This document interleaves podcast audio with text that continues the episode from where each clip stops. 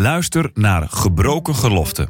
Een podcast van het Nederlands Dagblad over scheiden in christelijk Nederland. In deze podcastserie gaat journalist Daniel Gillissen vanuit zijn eigen ervaring in gesprek met experts en ervaringsdeskundigen, zodat jij begrijpt wat scheiden betekent en om scheiden onder christenen beter bespreekbaar te maken. Luister naar Gebroken Geloften in je favoriete podcast-app.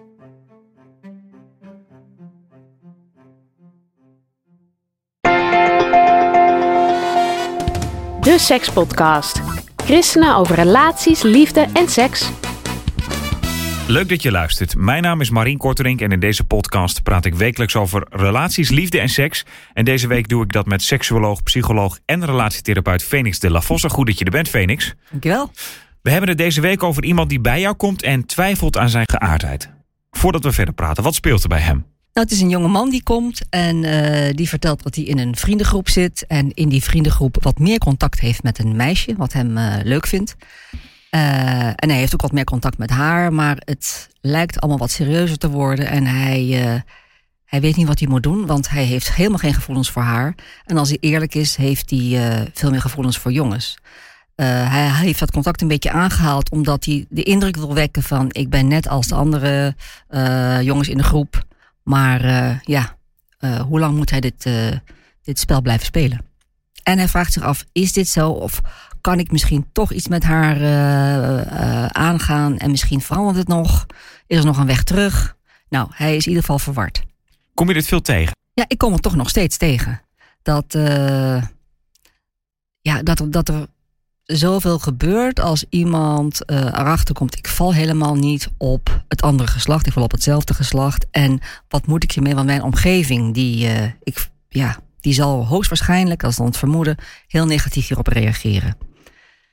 Uh, en ook van de vraag van, wil je dit samen met mij onderzoeken? Is dit nou echt of is het nou niet echt? Beeld ik het me in? Of hoe, hoe weet ik nou of ik uh, gay ben of niet? Hoe weet ik nou dat ik op uh, meisjes of vrouwen val of niet? Is het en? tijdelijk ook, hè? Dat soort vragen. En hoe weet je dat? Uh, ja, je, je, je voelt het. je voelt het in je hoofd. Je merkt het in je hoofd. Je merkt het in je kruis. daar is waar je aandacht naar gaat. Dat is hetgene wat je prikkelt of wat je opwindt.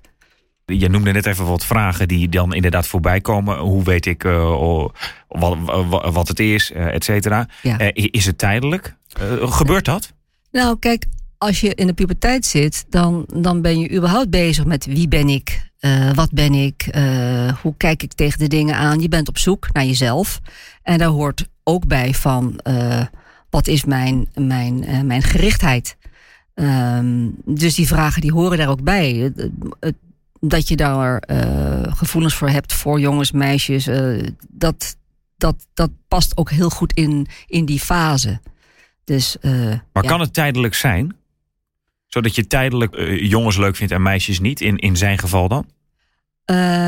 nou, in zijn geval is het eigenlijk altijd wel zo geweest, maar heeft hij het weggedrukt omdat hij het erg lastig vond. Niet goed wist hij wat hij ermee aan moest en dacht van ik doe het gewoon als mijn vrienden. En ik ga ook een beetje flutterig gedrag laten zien. En ik ga ook uh, ja, uh, stoer doen. Ja. Zoals hij dacht van, nou, dan val ik niet op. Want dat, Ja. dat is vooral bij deze persoon zo geweest. Ik wil niet opvallen. Ja. Dan wil ik Wat, het- wat ja. als mijn eh, kop boven het, ma boven het maaiveld komt? Ja, daar wil ik het zo over hebben. Even los van deze casus, omdat jij er dus zegt van, dan eh, omdat iemand zo bij jou komt en dan ook zich soms afvraagt, misschien is dit tijdelijk. Kan, kunnen dat soort gevoelens tijdelijk zijn? Kan het zijn dat het tijdelijk is dat je eh, op iemand van hetzelfde geslacht, eh, dat je daar interesse in hebt? Ehm, ja, je zou kunnen zeggen, eh, er is wel een verschil tussen mannelijke seksualiteit en vrouwelijke seksualiteit. In de zin dat vrouwelijke seksualiteit wat meer fluïde is. Dus het, het komt vaker voor dat vrouwen, als ze ouder worden, erachter komen van, nou, het is niet dat ik alleen maar op mannen val. Vrouwen doen me ook seksueel wat. Dat zijn dan vrouwen die altijd hebben gezegd: Ik ben echt hetero. Ik voel, ik voel niets voor andere vrouwen. Dat kan dus bij vrouwen later ook nog wel veranderen. Ehm, bij mannen ligt het wel wat anders. Want als mannen zichzelf echt hetero vinden, ook echt niet opgewonden raken van. ehm, homoseksuele stimuli of plaatjes of filmpjes of wat ook. Dan, en ze zijn dus echt hetero, ze voelen niks in hun kruis, ze voelen niks in hun hoofd. Dan is dat zo en dan blijft het ook zo. Dan terug naar deze casus. Deze jongen komt bij jou. Hij twijfelt, zegt hij. Maar hij, ergens, als ik jou hoor praten, denk ik, hij weet het eigenlijk al. Ja, hij weet het al. Hij weet het al. Dus dat is vaak van, ik weet het niet zeker. En als ik dan doorvraag, dan weten mensen het wel zeker. Uh, soms is het ook de andere kant op. Hè. Het kan ook aangepraat worden. Ben jij niet uh, uh, gay? dat mensen gaan denken, ja, ben ik niet gay? Of bijvoorbeeld, er is misbruik geweest. Dat kan ook. Ehm, een, een, een jonge man heeft uh, toen hij veel jonger was, uh, wat met jongens ge, gehad of gerotzooid of geëxperimenteerd. En is daardoor in verwarring geraakt. Van, want als dat gebeurd is, ben ik dan misschien toch homo. Dan is je seksualiteit eigenlijk beschadigd, om het zo te zeggen. Dus dan kan je er niet meer helemaal helder weten. Ja, het is verwarrend geweest. Of er is misbruik geweest. misbruik van een jongen door een man. waarbij het lichaam van die jongen wel heeft gereageerd er is wel een erectie geweest, of er is een zaadlozing geweest, en of er een uh, zaadlozing geweest. En, daardoor denk je misschien. En daardoor kan je verward raken en denken: van, ben ik dan misschien homo? Want ik heb toch gereageerd, ik, werd, ik werd toch opgewonden. Ja, weet je, uh, dat, zegt, dat zegt helemaal niks. Houd, houd het even vast, want ik wil zo meteen nog over de rol van de omgeving. Omdat jij ja. nu ook zegt van, hè, inderdaad, soms praten mensen het aan. Maar eerst even bij, bij hemzelf. Ja. Hij wil het toch nog even proberen, schrijf je dan in je column. Is dat iets wat je, wat je vaker hoort? Zo van, ik ga dan toch nog even voor de zekerheid kijken of, of ik het toch niet moet proberen met zo'n ja, meisje. Kijk, deze, deze jonge man die is heel erg onzeker en ook angstig uh, over zijn toekomst. En hoe de, hoe de directe omgeving op hem zal reageren. Hoe zijn ouders zullen reageren. Hoe de vriendengroep zal reageren. Hoort hij er nog wel bij? Of wordt hij toch uh, met de nek aangekeken? Uh, dus uh, hij denkt van misschien zal de aanraking wel wat doen. Want uh, hij merkt dat als hij een jongen aanraakt, uh, klap op de schouder, weet je wel, oude jongens, krentenbrood, een beetje dat, dat het er wel van alles bij hem doet. Dat hij eigenlijk heel graag meer wil. Hij wil eigenlijk omhelzen en omhelst worden. Dus hij schuwt dat ook, dat wil hij helemaal niet. Maar hij denkt, nou, misschien als ik dat met dat meisje heb, uh, ga ik ook zo op haar reageren. Wie weet. Maar dat gebeurt dan niet?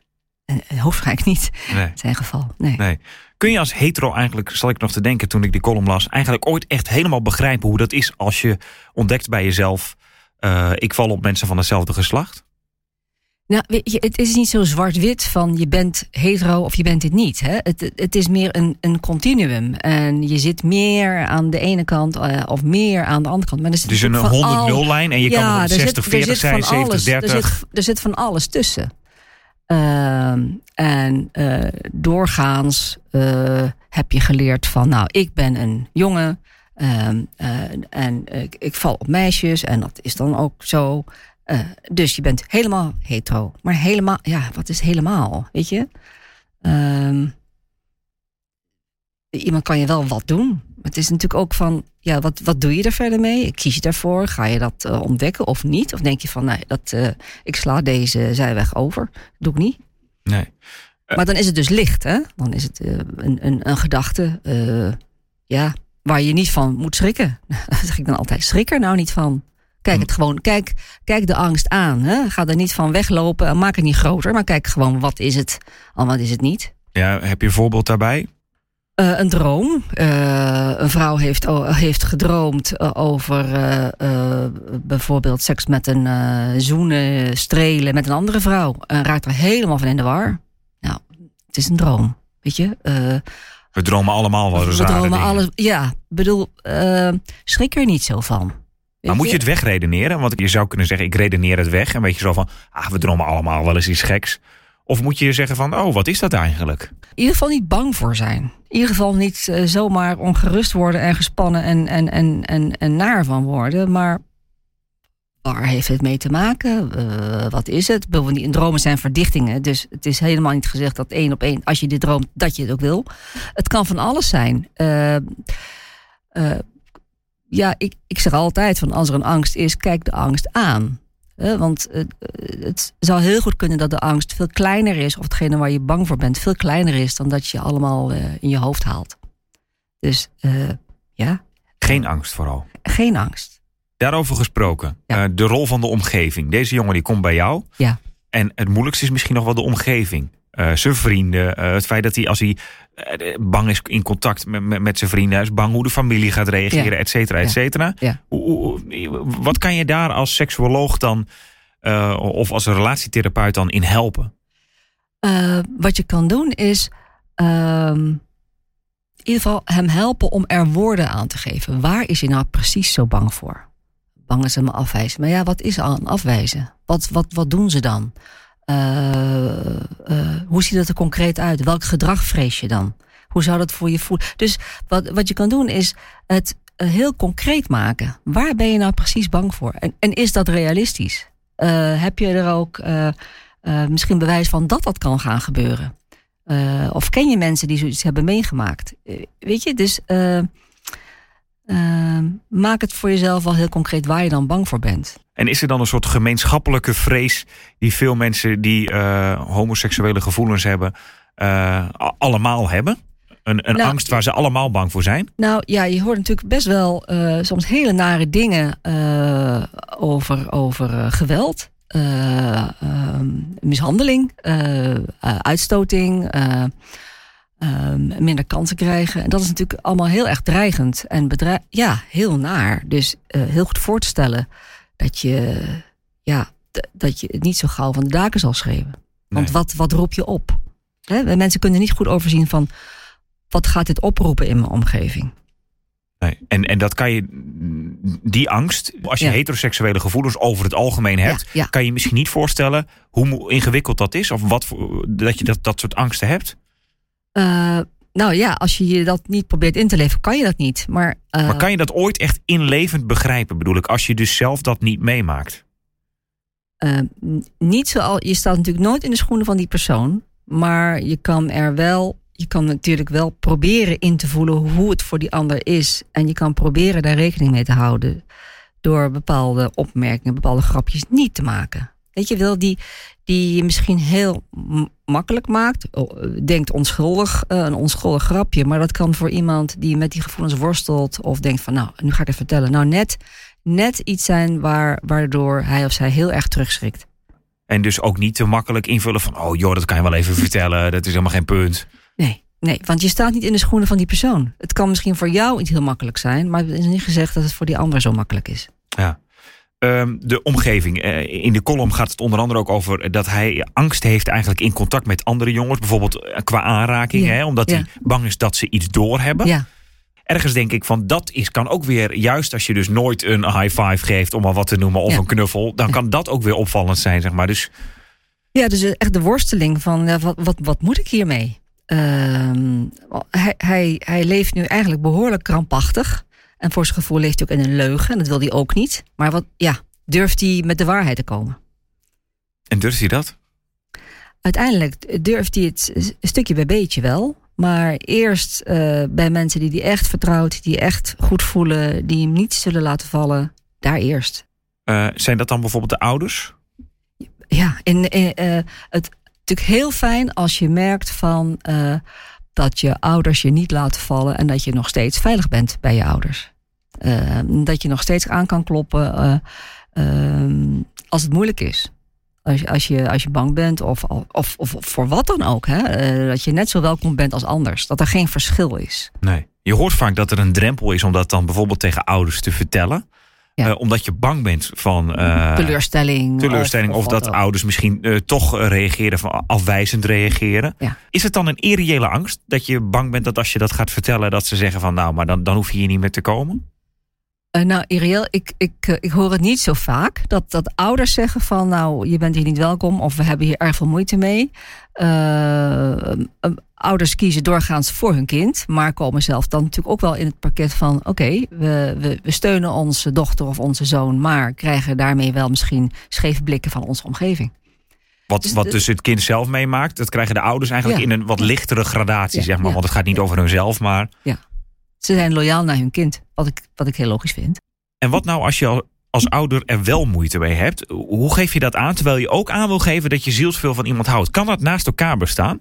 Ja, ik denk, eh, praat hè. Vooral, vertel, vertel eh, de spagaat waar je dan eh, voor je gevoel in zit. dat je het lastig vindt. dat je misschien ook allerlei reacties vreest. ja. maar, dat je, maar dat je je kind niet wil laten vallen. Eh, eh, praat erover, weet je. Eh, dat, dat, ja, dat zou ik ouders eh, willen zeggen. Als je het zelf heel erg lastig vindt, ehm, vertel het. Wees eerlijk. Gewoon, het kind is eerlijk geweest. Wees zelf ook eerlijk. En, en, oh, maar dat kan ook pijnlijk zijn voor het kind misschien. Hoe, hoe scheid je dat goed? Zeg maar dat je aan de ene kant wil laten weten van we houden onvoorwaardelijk van je. eh, eh, het is allemaal goed. Ja. En terwijl je bijvoorbeeld, ik denk aan christenen die bijvoorbeeld. Er zijn ook mensen misschien die luisteren nu en denken van. Ik geloof niet dat homoseksualiteit de bedoeling is. En wat dan als je kind bij je komt en zegt. Ja. Ik ben homo, zeg maar. Ja. Hoe, hoe kan je dan zeggen van. En we houden heel erg van je. En ik geloof misschien dat het niet de bedoeling is. Of kan dat niet? Je kan wel zeggen dat je ermee worstelt. Dat je niet goed weet hoe je hier nu mee om moet gaan. Omdat je eh, eh, het niet goedkeurt of eh, eh, het, Dat je het niet weet. het, het niet weet. Dus dat je ermee worstelt. Vertel eerlijk dat je ermee worstelt. Want dat is ook eerlijk. Dat zal het kind ook merken. Ik bedoel, Ja, ja. wees, wees wel transparant in, in, in, in het binnenstuk en het buitenstuk. Hè? Ja, maar ook vooral die liefde laten merken dan op zo'n moment als een kind bij je komt. Ja, ja, enerzijds, anderzijds. Weet je, beide.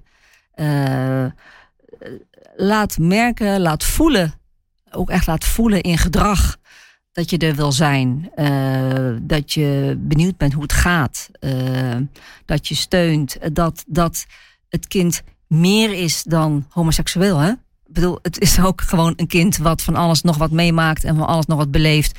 Eh, ehm, maak het in die zin ook niet groter dan dat het is. Hoe moet je dat doen als een kind bij je komt en zegt: Nou, papa, mama, dit is aan de hand. Ja. Eh, Ik- Want het kind is, is hetzelfde, hè? ja, nee, precies. Maar moet je dan als ouders dus helemaal zeggen: Oh, wat, wat, wat- je, schrikt misschien wel eventjes Ja. bijvoorbeeld. Eh, hoe- is het dan inderdaad van: je moet dan zeggen van: Nou, laten we de hele avond vrij ruimen om erover te praten? Of moet je gewoon. Ja, eh, ik, ik, zou, ik zou denken, gewoon. Gewoon. Het is, ik, zou, ja, ik zou toewensen dat, dat, dat ouders kunnen zeggen van... ik vind het fijn dat je het me vertelt. Ik vind het fijn dat je, dat, eh, dat je mijn vertrouwen neemt. Eh, en als je het lastig vindt, dat je als ouder zegt... ik vind dat lastig. Eh, ik weet niet wat ik hier nou mee moet. Ik, ik, ik ja, poeh. Eh, hè, als dat zo is, nou, zeg dat dan. Uh, wees er eerlijk in. Maar laat vooral merken van, joh, je, maar jij bent en blijft voor mij nog steeds hetzelfde kind. Dezelfde dochter, dezelfde zoon. En ja, dit is het onderdeel van jouw zijn. Er Ja. verandert niks van mijn liefde voor Ja, jou. Precies. Eigenlijk. Ja, Hoe gaat het dan verder met zo'n jongen? Eh, eh, Want eh, hij komt bij jou in een zoekfase. Hoe lang duurt zo'n fase eigenlijk? Ja, of is dat wisselt heel Het wisselend? wisselt heel erg sterk natuurlijk. Het is zo van de persoonlijkheid afhankelijk of van de omgeving afhankelijk. Ja, daar kan je weinig over zeggen. Dankjewel Phoenix voor deze week. En de column van Phoenix zet ik in de beschrijving van deze podcastaflevering. Heb je nou een vraag naar aanleiding van deze podcast... of heb je zelf een andere vraag over relaties, liefde of seks... waar je graag een antwoord op wil? Mail je vraag dan naar podcast.nd.nl of naar phoenix.nd.nl... want dan kan Phoenix de vraag voor je beantwoorden. Tot volgende week.